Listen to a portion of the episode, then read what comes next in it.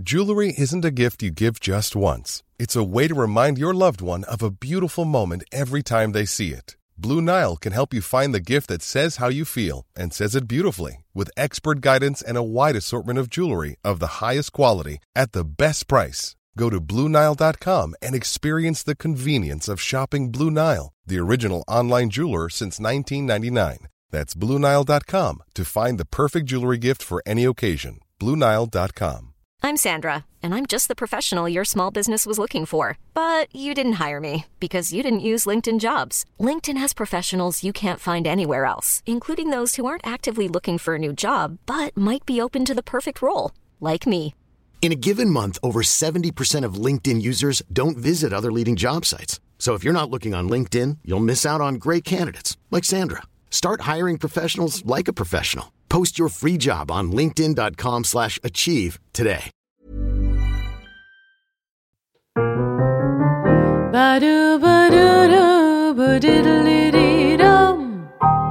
Kära lyssnare, kollegor, älskare och vänner. Välkomna till veckans avsnitt av Burleskpodden.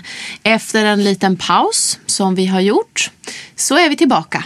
Och det är som vanligt härifrån Custom Music Productions. Jag har min vän och kollega Andreas Hedberg bakom ljudspakarna och det är också han som redigerar de här programmen. Han är superduktig. Jag heter Aurora Brännström. Som vanligt, det är jag i etern. Första programmet efter en liten paus och jag har en eh, superspännande person här idag som gör jo, jo. som gör en jäkla massa grejer inom burleskscenen och runt omkring kan man säga. Han kallar sig för Nalle the Great och han är creator of wonders. Välkommen! Dun, dun, dun, dun. Hej, Hej, vad kul att du är här. tack för att jag fick komma. Vill du berätta lite grann om, om vem du är eh, och vad du sysslar med? Om det går.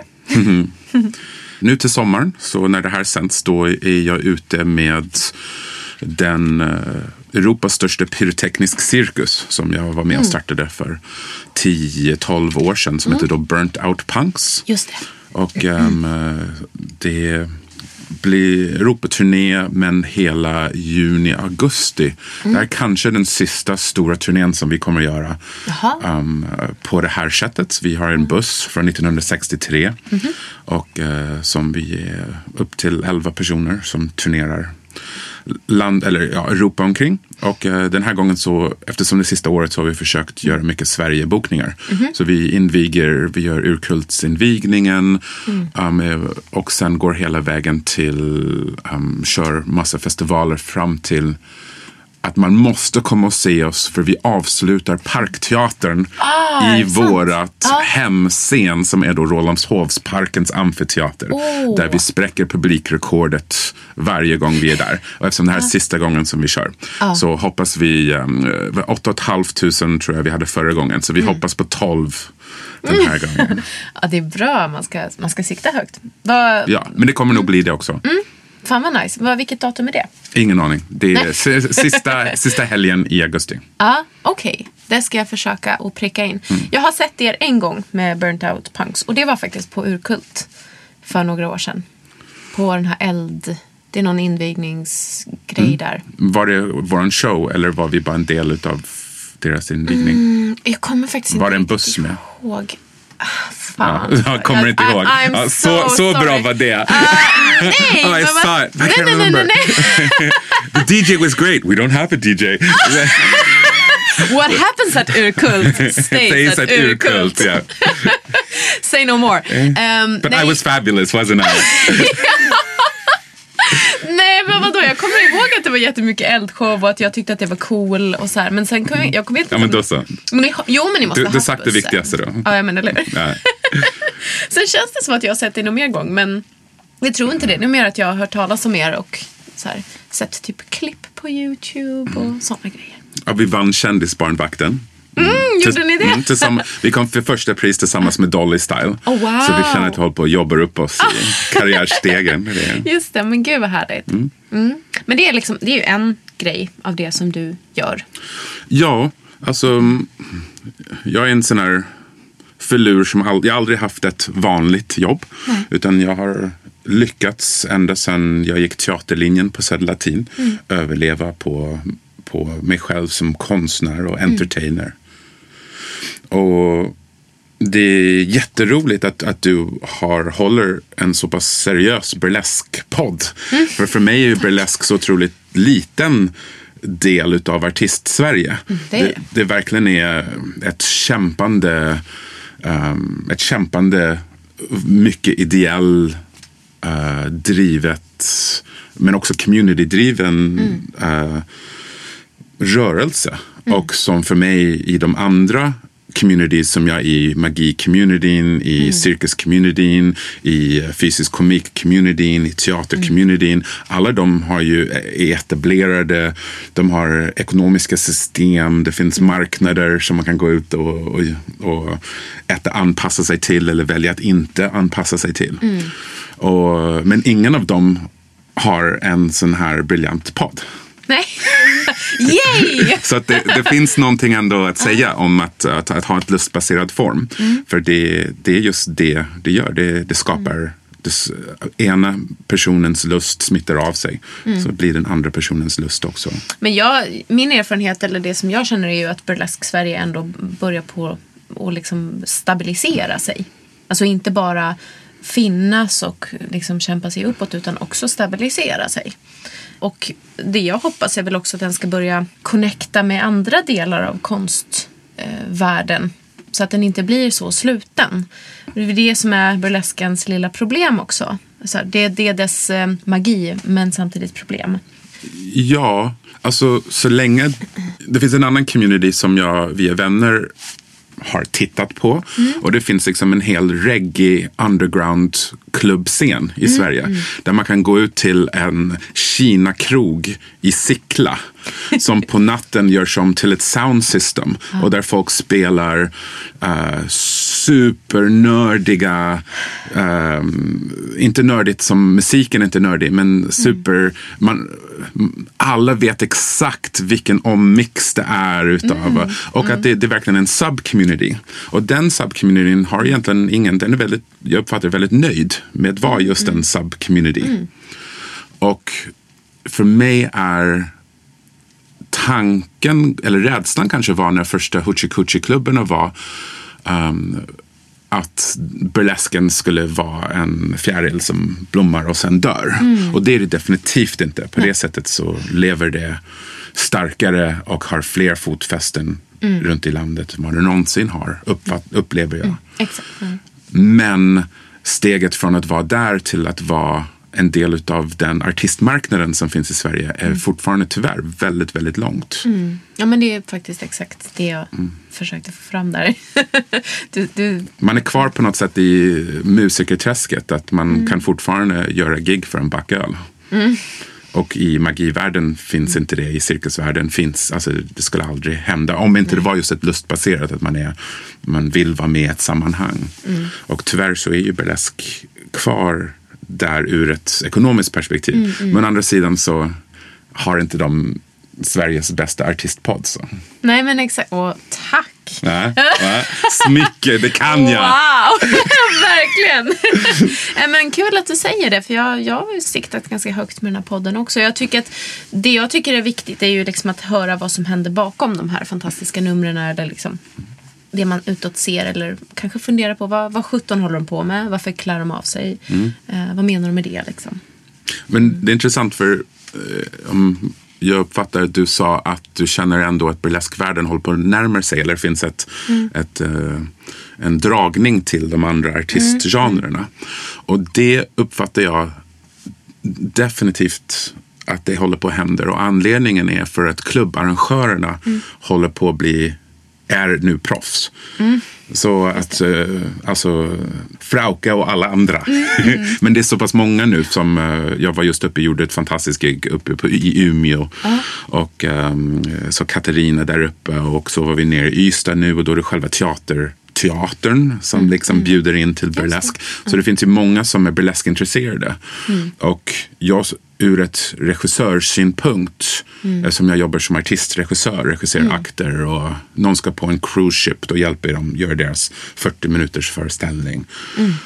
Och så är det så att uh, burlesken som det sett, upp, sett ut fram till kanske något år sedan har ju varit väldigt lik. Uh, att, uh, har man gått till en burleskfestival så har det varit i princip 20-40 akter som utifrån kan se ut som de gör, ungefär samma sak. Det. Så att man tar av sig kläderna och så tasseltwirlar man. Tar av sig kläderna, tasseltwirlar man. Och helt plötsligt så kommer en person in som jonglerar pingisbollar och publiken blir helt galen. Och det leder för mig där jag kommer in i burlesken. För, för mig har burlesken, jag, upp, jag upplever att de som är i communityn är goda vänner och tycker om mig. Men jag kom inte in i burlesken via communityn. Nej.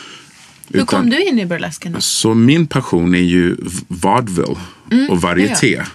Och de, i, i USA då under den stora vaudeville-tiden så var det circuits. Och då var det um, alla stora, alltså hela halvan, familjerna, Buster Keaton, alla de som blev stora i, i eh, filmvärlden, de kommer ju från att de har spelat teatrar med komik, slapstick, um, cirkus, magi relaterad underhållning. Och någonstans när depressionerna började komma i USA så för att locka publik till de här där varje stad kunde ha, till och med småstäder städer kunde ha konkurrerande teatrar. Ungefär som om vi tänker att eh, att Orsa skulle ha två teatrar. Ehm, och, och att vi glömmer bort nu, nu dör ju Folkets hus och parkerna till och med för att det inte finns ett, någon som, som brinner för att ta hand om dem. Men en gång i tiden så fanns det lust att ha de här verksamheterna. Så att när helt plötsligt vaudeville-scenen började tappa publik så blev den, för att behålla publiken, blev den snuskigare. Den blev mer ehm, mer att den lockade till sig eh, genom att använda det förbjudna och mycket av det var just i form av sexualitet. Och att där, för mig, började hela strip sitt storhets, eller sitt, inte storhetstid, för det var nog ganska sunkigt. för det tror jag nog. Jag tror Ja, att det var okej. nog Ja. väldigt, jag tror inte alls att, jag tror att vi, Men vad- glam, vad vi glammar till det nu. Ja, men vad pratar du om för tid nu ungefär? jag är inte bra på årtal. Men det är alltså hela um, Gypsy Lee Rose-eran. Där hon var den första som lyckades bli fin burlesk. I en värld av där arbetslösa kvinnor, mm, kanske ensamstående, tjänade sina pengar på att strippa på teatrar. Eller i början hade full body suits. Alltså att man hade kroppstrumpa på sig och stod i poser. Och, så att, men för mig, väldigt länge till och med inom det som blev det vi uppfattar som ren burlesk. För mig var ju alltid blandat. Så det var ju fortfarande ståuppkomikerna, uh, fysisk komikerna, uh, cirkusartisterna och sen en strippakt. Och det uppfattar jag för första gången på riktigt så har så anammar svenska burleskproducenterna att det finns ett värde i det. Ja. Och att det nästan måste vara det för att publiken ska känna att de har fått en hel show. Just det. Och där är cirkeln på något sätt. Och det är där jag kommer in då. Just det. Från, från varietéhållet. Ja. Okej, så det är någonting som liksom har utvecklats i, de, i dig i liksom kombination med det du har bakom dig, din erfarenhet. Men du, visst strippar du också själv ibland? Ja. Ja. Så jag, jag brukar um, vad heter det? bill myself. Jag brukar, um, jag brukar kalla mig själv för Sveriges största boyleskartist. I alla fall till ytan. Ja. Men, eh, och när, hur länge har du hållit på med det? Alltså, första Cirkör-föreställningen 1996 i tältet bakom Nationalmuseet. Det var en jättefin trätält bakom Nationalmuseet. Där det föddes, där det, där liksom, där det blev, fick den där första uppmärksamheten. Och där, redan där så var jag en dragande madam på, där jag var på stylter och jag födde alla akter. Okej. Och ha- jag hade, alla akter. alltså de kom ut från, de kom ut. Dun, dun, dun, dun, så kommer en jonglör ut. Ja, ja, liksom, ja, mellan dina ben. Ja. Härligt. Och, eh, och jag hade inget connect till dragvärlden. Jag hade inget connect till någon egentligen form av, eh, av queer kulturyttring. Eh, kanske väldigt mycket queer-vänner och så, men kanske mer på ur politisk synpunkt än det som vi, jag idag skulle säga är queer, skulle uppfattas som queer-kulturer, som drag kings, drag queens och så. Utan det var mer lust. Just det. Ja. Och, att, eh, och också eftersom, och då har det utvecklats att jag hade en fantastisk eh, kostymsömmerska um, som heter Helena Brunell som har eh, hon kan ta min kropp och jag väger alltså 130 kilo och är en, jag är en väldigt stor björn. Och hon tittar på mig och går, hmm, hur gör jag en korsett på det där? och kan lyckas med det. Och hon har ju gått till Skärakademin så att hon har liksom hela bakgrunden. Och hon lyckades göra tre fantastiska eh, kostymer till mig. Um, baserad på som, lite så Elvira, um, eh, vackra rosa husfru med uh, husfru-tofflor. Och, och de, de kläderna, eller vi säger så här. mitt burlesk, eftersom jag inte jag skapade på något sätt de här akterna och sen efteråt upplevde jag, aha det finns burlesk, där kan jag också göra dem. Men eh, det var också så att som jag strippade redan i Burnt Out Punks föreställning där jag har massa folk bakom mig med Firefans och, och vi har en hel grej och på slutet så, så river jag av över delen och sen så fire-tasslar jag. Och sen så här, fem år senare så i burleskvärlden så kommer upp hela den här grejen. Ja, men man måste vara certifierad fire tassler from, um, eh, from Angel i USA som är den som har uppfunnit fire tassels. Men och inte för att gå in i den politiken, men jag känner att, att jag, jag uppfattar att jag började göra det jag gör. Och sen kom burlesken. Och sen, så, och sen bör, då började vi bli bjudna att komma uppträda på Hoochie Coochie och vara konferenser där. Och då och på något sätt har funnits kvar till idag. Som bara då förra veckan som jag var konferenser på um, Frölunda Frauke i Ystad. Just det. Just det.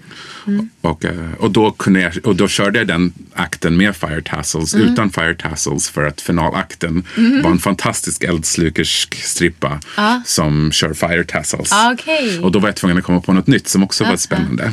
Så jag var tvungen att över, hur över hur övertrumpar man Fire Tassels? Och, men jag, jag tycker jag lyckades. Jag hittade en grej. Okej, och det vill vi inte avslöja. Nej, man får nog komma och se mig. Ah, jag förstår. Vet du, jag har faktiskt lite samma erfarenhet som du. Alltså vägen in till burlesken. Jag sjunger ju jazz själv och, och vi har ju haft våran stil ganska länge. Och så har inte riktigt haft en plats inom jazzscenen så självklart. Och sen så bara besökte jag en burleskklubb och bara Oh my god, här ska jag vara. här ska jag sjunga mina New York-doftande, glittriga nummer. Liksom. Ja. Så det, visst, och det finns ju en massa olika vägar att, att möta burlesk. Eh, och det, ja, men det som du var inne på nu, liksom, det tycker jag är jättespännande. Att, att blanda och, och föra in andra element. Och liksom så här. Ja, men det är mycket det jag vill göra med podden också. Att ja, men bjuda in olika. Imagine the softest sheets you've ever felt. Now imagine them getting even softer over time. That's what you'll feel with Bowl and Branch's organic cotton sheets. In a recent customer survey, 96% replied that Bowl and Branch sheets get softer with every wash. Start getting your best night's sleep in these sheets that get softer and softer for years to come. Try their sheets with a 30-night guarantee. Plus, get 15% off your first order at bowlandbranch.com. Code BUTTERY. Exclusions apply. See site for details. Hey, it's Ryan Reynolds, and I'm here with Keith, co star of my upcoming film, If, only in theaters, May 17th. Do you want to tell people the big news? All right, I'll do it. Sign up now and you'll get unlimited for $15 a month in six months of Paramount Plus Essential Plan on us. Mintmobile.com slash switch. Upfront payment of $45 equivalent to $15 per month. Unlimited over 40 gigabytes per month. Face lower speeds. Videos at 480p. Active Mint customers by 531.24 get six months of Paramount Plus Essential Plan. Auto renews after six months. Offer ends May 31st, 2024. Separate Paramount Plus registration required. Terms and conditions apply if rated PG. Hold up. What was that? Boring. No flavor. That was as bad as those leftovers you ate all week. Kiki Palmer here, and it's time to say hello to something fresh and guilt-free. Hello Fresh. Jazz up dinner with pecan-crusted chicken or garlic butter shrimp scampi. Now that's music to my mouth. Hello Fresh. Let's get this dinner party started. Discover all the delicious possibilities at hellofresh.com. Olika folk från olika perspektiv liksom. Ja. Det som är häftigt med burlesk är att det blir just ett plattform. Så det blir ett plattform där man kan, där eh, vissa människor har det som sitt trappstegsplattform för att hitta sin konstnärlighet. Och vissa hittar sin konstnärlighet och märker att de fungerar i det plattformet. Um, men det är ett väldigt eh, det är häftigt just att det är ett community lustbaserad plattform. Jag, jag tycker just det är spännande med burlesken också. Att det verkligen finns ett community som faktiskt samarbetar i mångt och mycket. Och liksom 100 procent. Ja, Men det gör nästan alla artist-communities, is- upplever jag. Alltså, det finns inte en cirkusartist som inte ser en annan cirkusartist göra någonting och inte ger dem eh, liksom, ja men har du provat att sträcka ut axlarna lite mer där? Eller en jonglör eller som gör en trick och någon frågar kan jag få, ö, ö, kan jag få lära mig den? Och så lär man ut den. Um, så att både i cirkusvärlden, i magivärlden så, och clown och komikvärlden så uppfattar jag en enorm öppenhet. Just eftersom de är lustbaserade. Och den uppfattar jag finns väldigt mycket i cirkus, i burlesk också. det här var ju någonting helt nytt för mig också. Som, som, det var ju därför jag valde att, att stanna här. För att jag är ju klassiskt skolad och, och förlåt mig alla klassiska musiker men ni jobbar inte på det här sättet. Fy! Ja. Fy! Fram med handen, fram med handen. Ja. Så, Så ska vi göra. så ska vi göra. Och det är tråkigt. Mm. Men det är ju väldigt positivt att höra att det finns andra communityn som ändå också jobbar så här. För jag tror att det är en väg att gå. Att liksom, eller det är den vägen man bör gå egentligen. För att kunna njuta av sin konst och så här. För det blir så, det här konkurrerandet. Eh, och när man kämpar och man, man så fightar som jobb och man baktalar och, och, och liksom, men det, ja, men nu spelade jag faktiskt bättre än den. Eller så här, jag, jag fixar den här tonerna bättre. Jag är ju högre sopran än den här. Och liksom allt det där, det är ju bara kontraproduktivt för en bransch. Ja, definitivt. Tycker jag i alla fall. Men det är nog inte... Men det har väl att göra... Jag har inte kommit på något bra... Jag är ju född i Kanada, så därför jag hoppar in i engelskan ibland.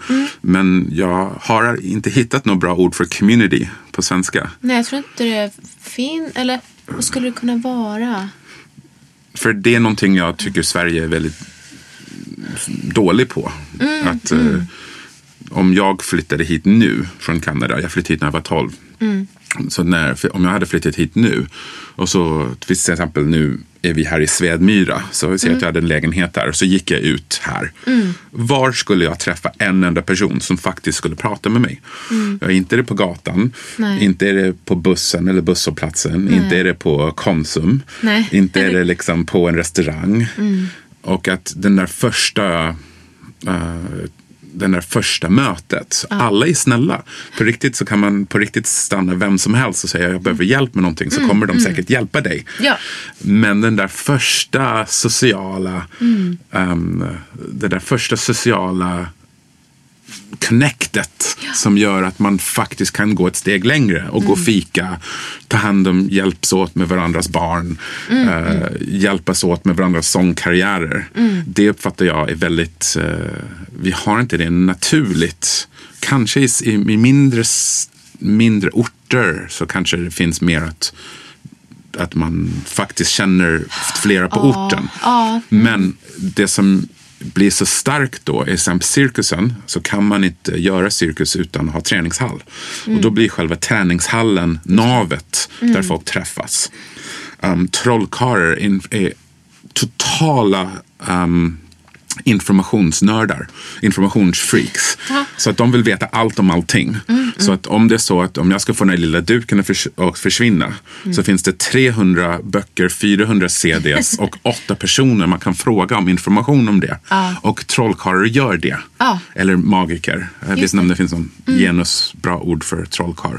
Men ehm, sen eh, och burlesken för mig, det knutpunkten är just festerna. Precis. Att det är när man uppträder. Det är själva knytpunkten. Och det är ju, tycker jag, lite unikt för burleskartister att de verkligen går ut i publiken också. Gör sin grej och ofta så här, går ut och minglar med publiken. Vilket ju gör att man får en, liksom ett sammanhang som publik också. Att säga, ja men jag är med. Typ. Ja. Jag vet inte om det var det du Men, du, men, för, jo, men jag Ja. tänker bara, för mig är det ett självklarhet i alla de jag jobbar med. Och inte Ja. bara i, i burlesken. Nej, nej. Men, du- kanske i kontrast till... Alltså, eh, nu har vi egentligen inte pratat om mig än. Nej! Åh, det måste vi... Så om vi backar lite till vem Ja, jag? ja, ja. Nalle the Great. Who is this amazing character sitting here? Ja. Um, så eh, bland annat så är jag då clownprofessor. Så jag jobbar då på, jag drev magisterutbildningarna på Teaterhögskolan som sen blev STDH. Och nu så jobbar jag som scenframställningslärare på DOC, på Cirkusuniversitetet. ja. Och då har jag skrivit en bok för när jag började och universiteten har pågått, har på ett pågående process där de försöker bli akademiska. Kulturuniversiteterna. Så att helt plötsligt så har vi universitet som i många år har funnits till ett för att täcka marknadsbehov. För att man gör skådisar eller ljustekniker som ska ut och jobba på institutioner och friteatrar. Eller skapa eget. Och helt plötsligt nu så ska de bli akademisk konstnärligt forskande individer. Och det blev ett problem för till exempel det jag jobbar då som är fysisk komik. Det finns, fanns ingenting skrivet om det. Just det. Och om det finns, inte finns någonting skrivet, då finns det ju inte. Och då eh, skrev jag en, en, då har jag skrivit en bok um, tillsammans med en, eh, någon som är bättre på att skriva. eh, som en student till mig som heter Stacy Sachs. Och, så vi har skrivit en bok om hur i princip så handlar det om hur står man på scen som artist i sammanhang som innebär att det finns publik. Mm-hmm. Mm. Och den heter The Clown Manifesto och getts ut av Oberon Books i England. Och, och det blev ett väldigt stort steg i mitt liv för att för första gången från att ha uppträtt internationellt i vad det nu var, 15 år då. Så, och jag räknade ut när, innan jag hade spelat för över en halv miljon människor live. Och då var det så här, ja, men, men vad gör jag? Vad är tekniken? Ja. Och då så var jag tvungen att formulera den också så att det inte bara blev en aha-upplevelse för mig. Men också för att de som läste det oavsett om de var i artistbranschen eller inte. Och ett av de stora sakerna i den boken handlar om det som jag uppfattar som eh, fin eller ful kultur. Okej. Ja. Och då skulle jag vilja idag säga att det finns två marknader för kulturutövning som scenform. Okej. Så att det, du kan vara musiker och du kan vara studiemusiker. Och då i princip så har du ju inte en publik. Du kanske kan ha en publik så småningom, men det är inte en live-publik. Nej. Och så har du musiker som är, spelar live. Och om du går på Akis så kanske du blir en fantastisk studiemusiker. Men blir du Thåström? Blir det Ola Salo? Nej, för de har ofta inte artistbiten. Själva artisteriet är inte. Varför? Och då anser jag att det är politiskt. Okej. Och det politiska är att i um, fulkultur är egentligen fel ord. Det folkkultur Ja, är, är ja. det som det kallas. Men det blir mer... Uh, det får mig att låta mer underground när jag säger att jag jobbar med fulkulturen. um, och då är det egentligen bara för mig så att det är var marknaden är. Um, cirkus inga bidrag från någon. Utan de får pengarna från den publiken. Den betalade publiken ger dig pengar, du underhåller dem. Ja. Trollkarlar, du gör en underhållning. Publiken som har sett dig betalar dig. Opera, folk betalar för biljetter. Men vad är det? En femtedel av vad biljettpriset kostar. Så det är lite som SL eller som, Ja, som, för, som lokal transport. Att nästan hela är, är finansierad av pengar uppifrån. Ja. Och sen så finns det en symbolisk summa som man ska betala för att utnyttja det gemensamma. Så helt plötsligt så har vi vissa konstformer som blir betalda utav mecenater som är då eh, landsting, eh, kommun, stad eh, eller till och med universitetsskapad konst. Att då måste den konsten förklara sig själv mot bidragsgivaren. Så att å ena sidan har vi konst som måste förklara sig själv mot sin publik. Och sen har vi en delning, en mur. Ett, eh, och på andra sidan muren så har vi, ett, ett, eh, så har vi konst, scenkonstformer som måste förklara sig mot bidragssystem. Ja. Och jag skulle vilja påstå att det skapar två olika... Det, det ändrar på konsten. Sen är det så, menar jag på att jag tycker cirkus och magi inte borde få bidrag? Nej, så tycker jag inte.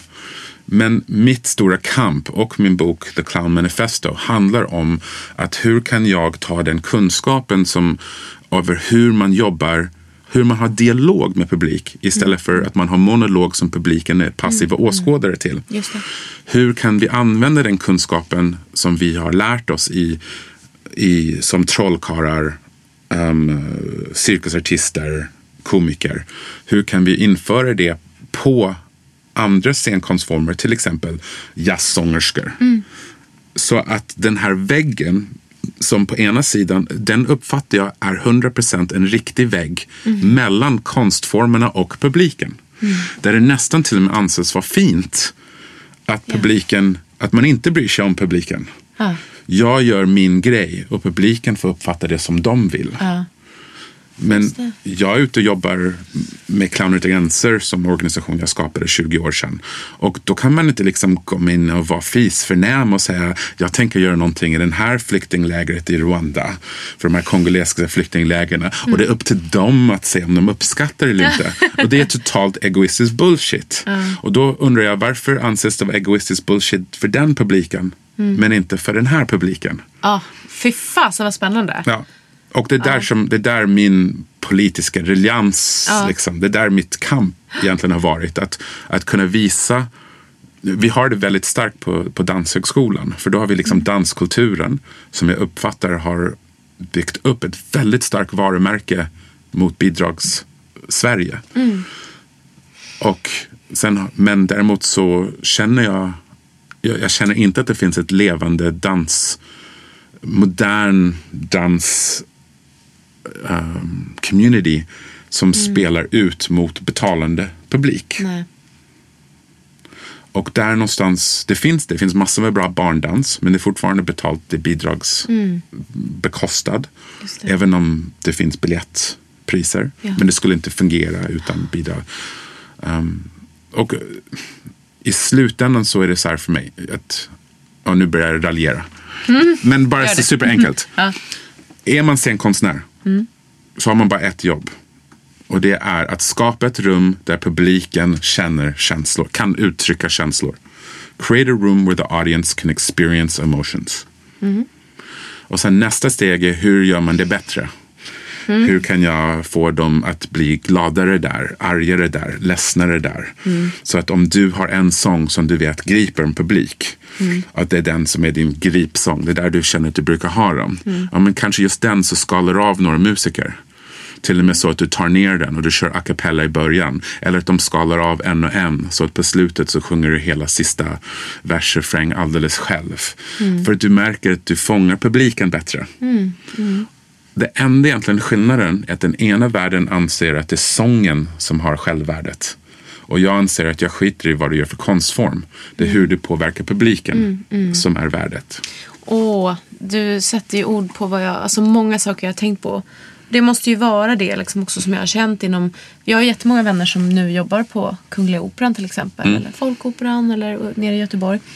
Som, eh, ja de tycker ju om det de gör. De är ju elitister liksom och de har ju kul. Men det är så mycket konkurrens emellan och, och liksom så, sånt finlir att få fram den här perfekta tonen hela tiden. Och, eh, ja, men samma sak, klassiska musiker har jag ju i släkten och sådär. Så. Många timmar i övningsrum och, och inte så mycket tanke på publikkontakt sen. Också, jag Mm. skulle vilja säga inte ens övning. Um, många, som är jag en väldigt god vän som är klassisk pianist. Mm, Och hon kan ju inte ens gå framför en publik innan det är perfekt. Nej, Och då nej. anser jag att då har man missat hela poängen. Ja. Utan man ska ha gjort den för publik hundra gånger. Ja.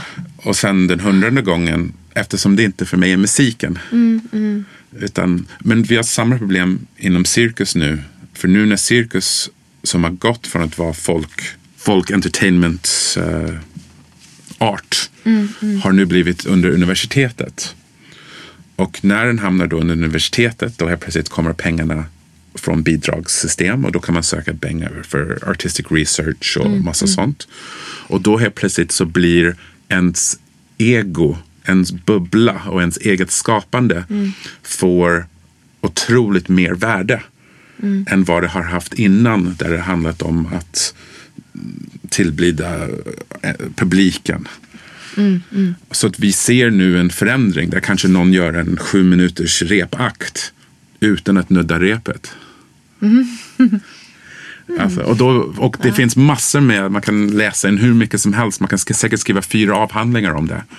Men hur många, hur ofta borde någon som går ett treårigt cirkusuniversitet träffa en livepublik? Och jag anser kanske en gång varannan vecka. Ja. Och de kanske anser en gång per termin. ja, just det. Ja. Och då är det för att visa upp det som man har skapat i sin bubbla. Ja. I, i clowneri, clownen Manne har en fantastisk grej där han säger att ehm, det finns, clowner kan inte repa. Om en clown går in i en repsal så skapar den en falsk publik. Och då har clownen redan dött. Ja. Så att första repet, det är första gången man möter publiken. Andra repet, det är andra gången man träffar publiken. Och då är hela föreställningen skapat i publikdialog. Istället för att man övar på sin monolog och så går man ut och alla vi vet vad händer om två personer sitter ner och en pratar för länge. Vad gör den andra till slut? Stänger av. De stänger av, de sjunker lite bak i sin stol, de börjar tänka på annat, de nickar och låtsas vara med. Och det är det jag uppfattar är konstens gissel just nu. Att det är det vi på något sätt tror är konst. Att publiken ska stänga av, luta sig lika bakåt och tycker det är fint att de sitter i en plyschstol. Nu vet inte jag om du menade allvar med det, men så här, jag skrev en ganska lång och upprörd text här på Facebook för ett tag sedan. Om det här med eh, publik, vett och etikett kan man väl säga. Det var nästan ett litet manifesto. Ja, det var ett tyckte litet jag. manifesto. tyckte jag var fint. Välartikulerad ilska, helt korrekt. Ja, det var det är så här, men, men det här handlar ju om för här har jag ändå någonstans berört min publik tror jag. Och att det är det som, som föranleder. Eh, fan, nu ska jag kunna ta det här kort då. Men, men jag skrev någonting om det här liksom att, att möta en publik. Därför att, och där jag kommer ifrån, vilket är klassisk musik, så är liksom jag uppfostrad med att kunna ta kritik. Så här, att kunna ta kritik som konstnär och musiker, det är det finaste du kan göra undermedvetet. Liksom. Och det, det beror ju mycket på att, att man står i sitt övningsrum och ska göra det perfekt. Och, så. Och, och en lärare ska komma och nej, vänta, vänta, vänta.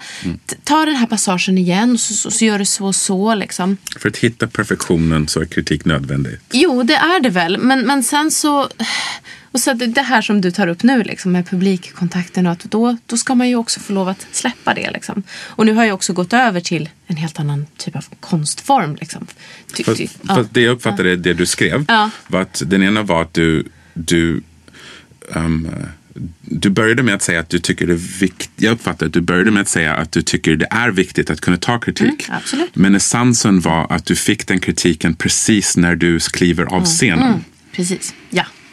Och, eh, och att där man har, och, och det för mig är någonting som det, då skrev jag på Facebook och vi kanske kan prata om det Ja, på ja, podden. precis, precis. För, för anledningen är att eh, utan att, för mig de har de inte med varandra att göra.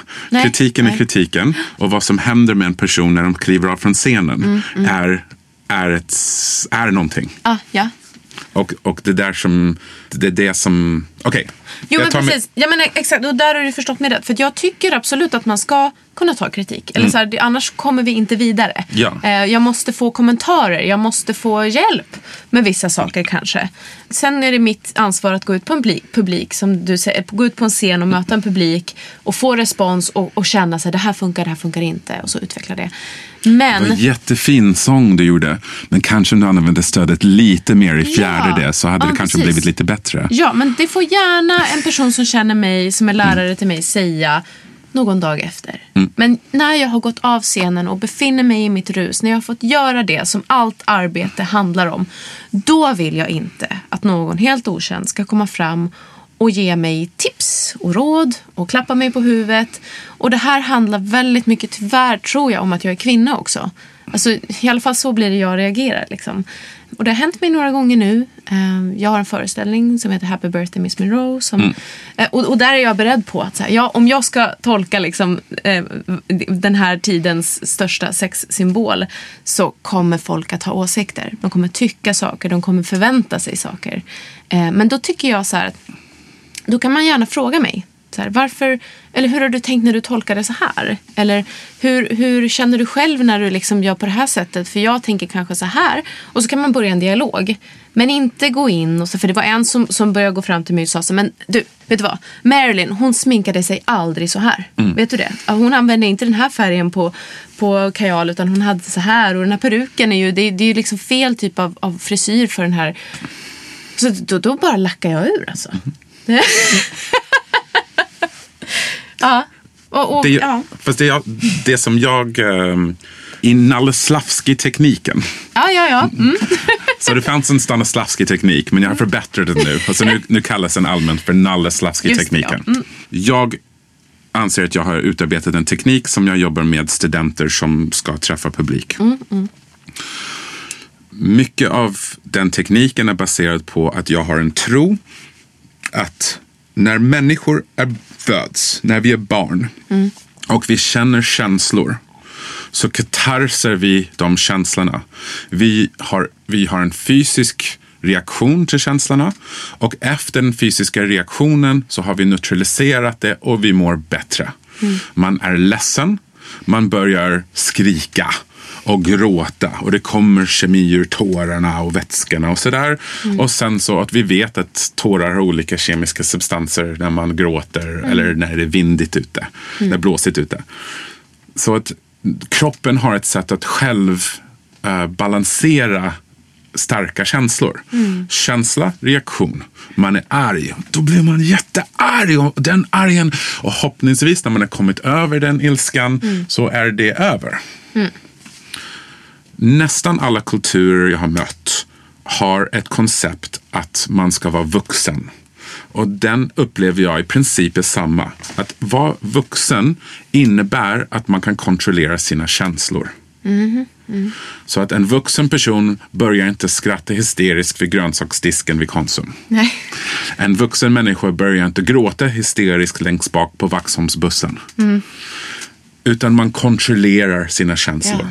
Jag uppfattar att människan har all, lika mycket känslor och lika ofta som det här barnet har. Det är bara det att vi inte har utlopp för det. Nej. Det enda stället där jag har kunnat se där det finns ett frizon där människor får ha känslomässiga uttryck är med konsten. Att det är när man tittar på en tavla, när man ser en film så är det okej att gråta. Det är okej att bli arg. Det är okej att, um, att ha vilka känslor som helst. Det är, näst, det, det är lite poängen. Och då är det så att vårt jobb som scenartister är att skapa det här rummet där publiken kan ha känslor. Ja. Det är inte bara någonting som vi ska göra för att vara en konstform. Det är liksom vårt yrkesroll i samhället. Ja. Det är vi som ska ge den frizonen i samhället. För att kunna hjälpa andra att befria sina känslor så har väldigt många konstformer, framförallt scenkonstformer, en filosofi att man på scenen frigör sina egna känslor.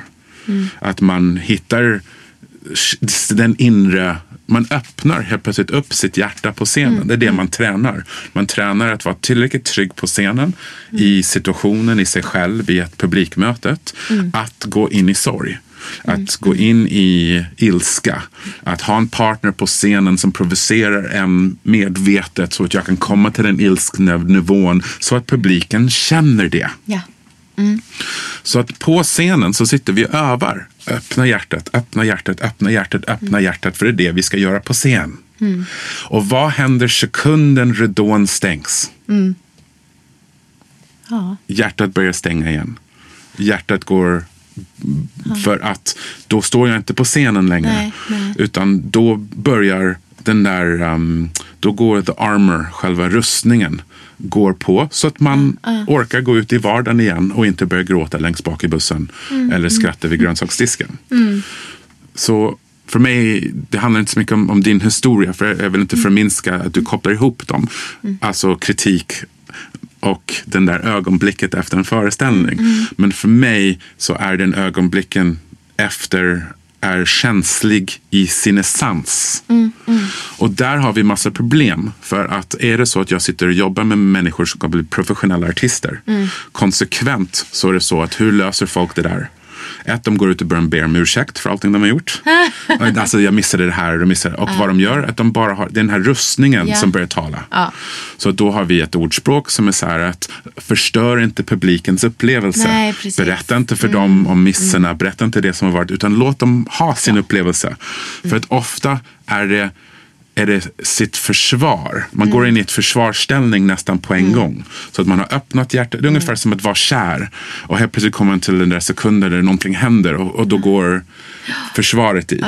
och just den det. försvaret helt plötsligt, då, det kan nästan bli ett, ett katt. Nej, jag, jag, jag är inte kär i dig. ja, exakt. Eller att man blir elak. Ja. Och man blir elak för att försvara sig själv. Så det är en, det som, jag jobbar väldigt mycket med mina studenter. Att till och med, för jag, jag har nästan, jag brukar säga att om inte någon gråter under mina lektioner har jag inte haft en bra lektion. För att poängen är att man ska kunna gå till de här ställena där vi som vuxna inte får vara. Ja.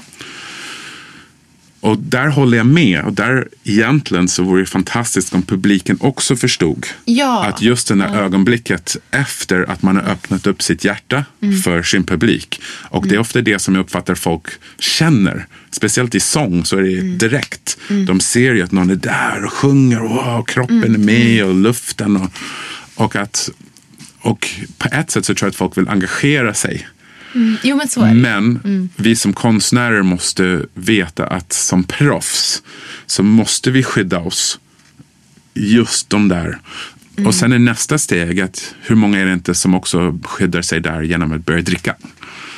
Och så hamnar du på en cruise ship eh, liksom artister. Som du snar, för då ska du också gå bo med, du ska gå och äta middag med de som har precis sett din show. Och folk bara, oh my god, that was an amazing magic. But you know, I wouldn't have done it like that. och då ska man sitta och äta middag med folk som man bryr sig inte för fem öre hur de tänker att man skulle ha gjort. Nej, nej, exakt. Men då också nästa steget kan, man kan öppna upp frågan och säga, är det kanske en del av jobbet? Men det viktigaste för mig är att man ska ge sig själv rätt till att sätta upp ett försvar efter en show. Men om man kan, försök att inte förminska publikens upplevelse när man gör det. Så jag vet inte riktigt om du känner att det kopplar till det du Jo, pratar om. men absolut. Jag, jag tänker att det där är ju två sidor av samma mynt Mm. egentligen. Och jag har jobbat väldigt mycket på den ena sidan, det vill säga att inte förminska mig själv. Mm. Utan jag kanske var missnöjd med vissa grejer, men jag, jag säger inte det. Mm. In, alltså det kan jag säga till min crew eller min, mina musiker, men inte till publiken. Så det tycker jag att jag ändå har jobbat bort. Men däremot så har jag inte jobbat bort eller kommit på ett sätt att hantera eh, när, när okända personer går in i min upplevelse på Mm. det sättet. För jag tycker att det är lite samma grej liksom. Eh, och att jag tycker att det är lite tråkigt för att jag får ju mestadels positiva kommentarer såklart. Och jag uppnår ju ofta det som jag vill, det vill säga att man berör en publik och att de liksom går därifrån och är lyckliga. Yeah. Ehm, men så det, det var väl liksom det jag ville skriva om. Att, och, och det är ju någonting som jag måste jobba med mig själv. Ja, för du här- kommer aldrig kunna ändra publiken. Nej, och så är det ju. Och folk kommer tycka olika saker om det du gör. Liksom. Och speciellt om jag ställer mig på scen och är Marilyn Monroe. Då kommer ju någon att tycka att jag rör mig fel eller att jag har fel kläder eller att, ja, vad det nu må vara. Eller att jag fokuserar på fel grejer. Liksom. Ehm, men jag, och jag skulle vilja att de kommentarerna inte påverkade mig så negativt. Jag skulle önska att jag, trots om det kommer fram någon och säger till mig att Marilyn Monroe hade inte eh, de där, den där sminkningen. Liksom. Det borde du tänka på. Att jag liksom bara, ja, tack, det är du som tycker det. Och sen så kommer jag ihåg allt det här andra som alla andra sa. Eller jag försöker behålla min känsla. För jag, ofta så är, händer det där mig när jag är jävligt nöjd med mitt eget. Och det kanske är det här som du pratar om, att det är då jag är sårbar. Ja. Ja, Eller på scenen så Mm. är ju målsättningen att bli sårbar. ja. Och sen helt plötsligt kommer någon upp på scenen, trots att det kanske är baren efteråt. Ja, eller i ja. trappen. Men man är själv kanske på scenen. ja. Men de ser dig på trappen. just det. Och, det, ja, men det är intressant. Hur, hur tar... Jag tror egentligen svaret där ligger mycket i... Så här, man, man pratar med folk som lever dagligen med, för, med fördomsbehandlingar. Alltså att eh, om man är, eh, om man är rasifierad i Sverige och så och någon bara, jaha, men kan du verkligen vara tandläkare? Så här, för du, det är en, kanske en, en svart kvinna. Jaha, kan du, är det du som är tandläkaren? Verkligen? Och då finns det en massa saker. Ja, men börja med en motfråga. Jaha, ja. Eh, Känns det inte som jag kan vara det? Eller? Alltså Ja, att man, ja. man bara, men det där, är, det där är hur man löser det. För mig är det inte så intressant som det som är intressant är det här med att du kan nästan se det som någonting vackert, att du blev påverkad efter. betyder bara att du gjorde ditt jobb på scenen. Mm. Så att eh, det, det, är en, det är en stjärna i himlen, i artisthimlen. att du öppnade upp. Och sen problemet är, för man vill inte heller sen inte öppna upp på scenen för att rädslan att bli attackerad efteråt. Exakt. En, en helt annan tanke som inte har med, eh, och det är det här att det finns ett clownknep till just Marilyn Monroe-grejen. För att om man gör någonting och påstår att det är någonting, då så har folk rätt att ha en förutfattad mening över vad det är. Men om man påstår att det är ens eget, alltså, så att det inte är att jag, om man säger att jag är Marilyn Monroe, nu vet inte jag hur du gör, men då kan folk säga nej men så var inte hon. Nej. Men om man kan säga ända sedan jag var fem år gammal så var jag kär i Marilyn Monroe. Och så tar man på peruken och så sjunger man. Men, och och då gör det ingenting om ja, folk, det, var- men hon var inte så. Jag, jag vet, men jag hade inte råd med bra peruk. Kul att du sa det. Du, du måste komma och titta för jag leker jättemycket med mina peruker i Ja. den här föreställningen. Jag slutar utan peruk. Mm. Jag har ingen intention av att vara Marilyn Monroe. Ja. Herregud. Jag har inga bröstmänniska liksom. Så här. Det, Nej men jag vet inte. Och det, det, liksom, men jag plockar bitar som jag tycker är kul. Hon var ju en superduktig jazzsångerska till exempel. Mm. Vilket jag har fokuserat på. Ja. Ehm, så att, och det är ju så, det är min tolkning. Liksom. Ja. Men sen är det ju ändå så att folk kommer komma in och liksom, vadå, ska se en, en person som håller på med eld så kanske man ser en bild av det eller Mm. en estradör eller ja, men en sångerska. Så det är ju någonting man måste, som vi kommer att möta liksom. ja. Ja, jag, ska klura vidare på hur man ska hantera de här prylarna. Det viktigaste för mig är att många konstformer, speciellt skolor, lär ut att man inte kan kontrollera sin publik. Man kan inte kontrollera publikens upplevelse. Och jag uppfattar att man kan det. Och i det här fallet så upplevde du att publiken upplevde, någon individ upplevde på ett visst sätt. och jag säger, ja ah, vad häftigt. Och vi har faktiskt makten att se, hur kan jag göra? Är det viktigt för mig? Hur är det värt för mig att se ett, att leka med ett sätt att ändra det? Så att det inte händer igen. Och det för mig är det viktigaste, inte faktiskt vad de säger. Nej. Men att vi har faktiskt makten att, så, ja, men varför, varför vill de att jag ska vara exakt som henne. Och så börjar man lösa det. Det för mig är det som gör att varje show blir intressant. Det blir inte att man gör 250 shower of Cats som är likadan. Nej. Utan varje show, leken fortsätter. Man ändrar lite här och lite där. Och liksom. Ja, det här var, det var en spännande diskussion tycker jag. Det, det tråkiga är att tiden har faktiskt runnit ut för oss. Ja, men the Great har alltid twice the time on stage. so let's start from the beginning darling. Okay, so hi, my name is Nally the Great. nej, nej, nej. mm, har du någonting som du vill tillägga? Någonting som vi har glömt som du kan ta i lite short format liksom? Ja, eh, du brukar avsluta alltid med eh, sexualitetsfrågan. Och för mig är det intressant för att jag är då en stor överviktig man. Och att någonting hände när jag började ha på mig kvinnokläder, strippa. Jag är inte tillräckligt bra strippa, jag är inte tillräckligt bra sångare, jag är inte tillräckligt bra magiker. Men när jag gör alla tre saker samtidigt så är jag fan världsklass. Ja, det är bra. Och när jag inte låtsas vara en kvinna, jag låtsas inte vara drag, utan när jag är mig själv på scenen och strippar skitsnygga kvinnokläder och mankläder har jag nu också. Så blir publiken som pirajer. De tycker jag är så jävla sexig. Och de har ingen aning om att jag inte sexig. Jag är liksom, jag är en sån som inte ska liksom flörta med folk för att jag är liksom en stor, jag är en, en äldre fet man. Så jag ska, alltså, så att hela min liksom självbild över att det är mitt jobb att gå, om, det, om jag går och märker att jag går bakom en kvinna på gatan, då ska jag gå över till andra sidan. Och hela den liksom, vem, vem um, en form av, un, inte underläge för att jag är ändå en privilegierad vit man. Så att jag är inte underläge så, men just i sexualitet hela mitt liv har jag alltid känt att jag inte är sexig.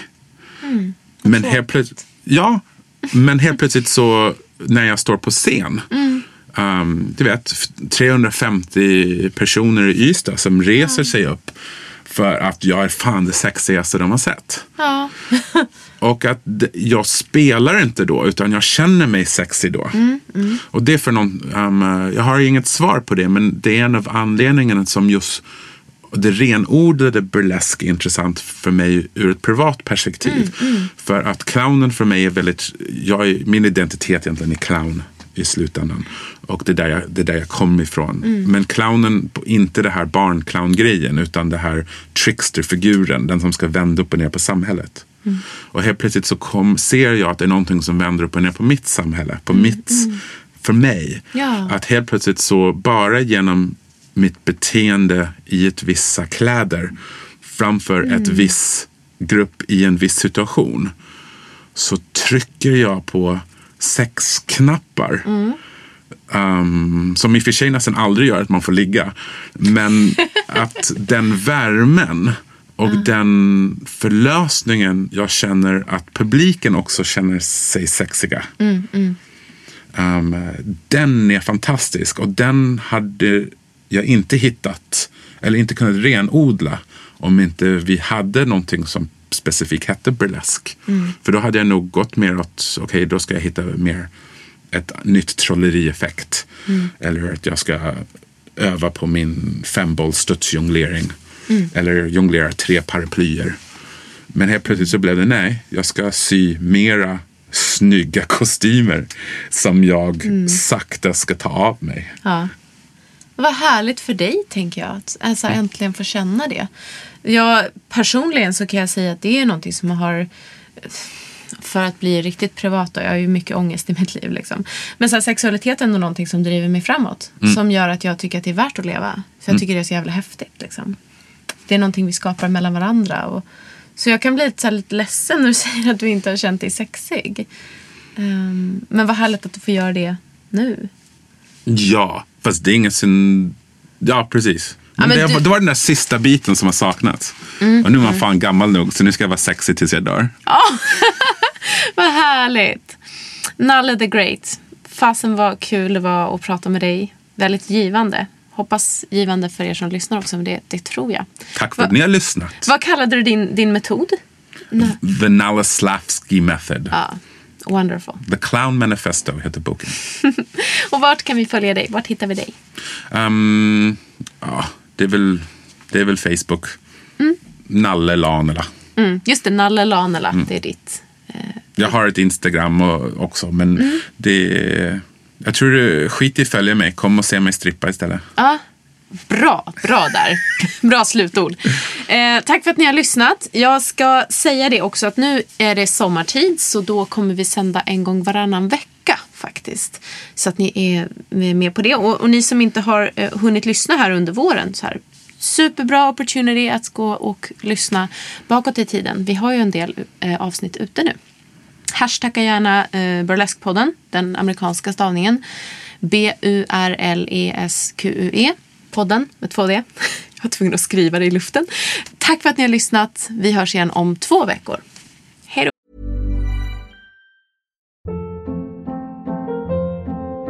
Hold up. What was that? Boring. No flavor. That was as bad as those leftovers you ate all week. Kiki Palmer here, and it's time to say hello to something fresh and guilt-free. Hello Fresh. Jazz up dinner with pecan-crusted chicken or garlic butter shrimp scampi. Now that's music to my mouth. Hello Fresh. Let's get this dinner party started. Discover all the delicious possibilities at hellofresh.com.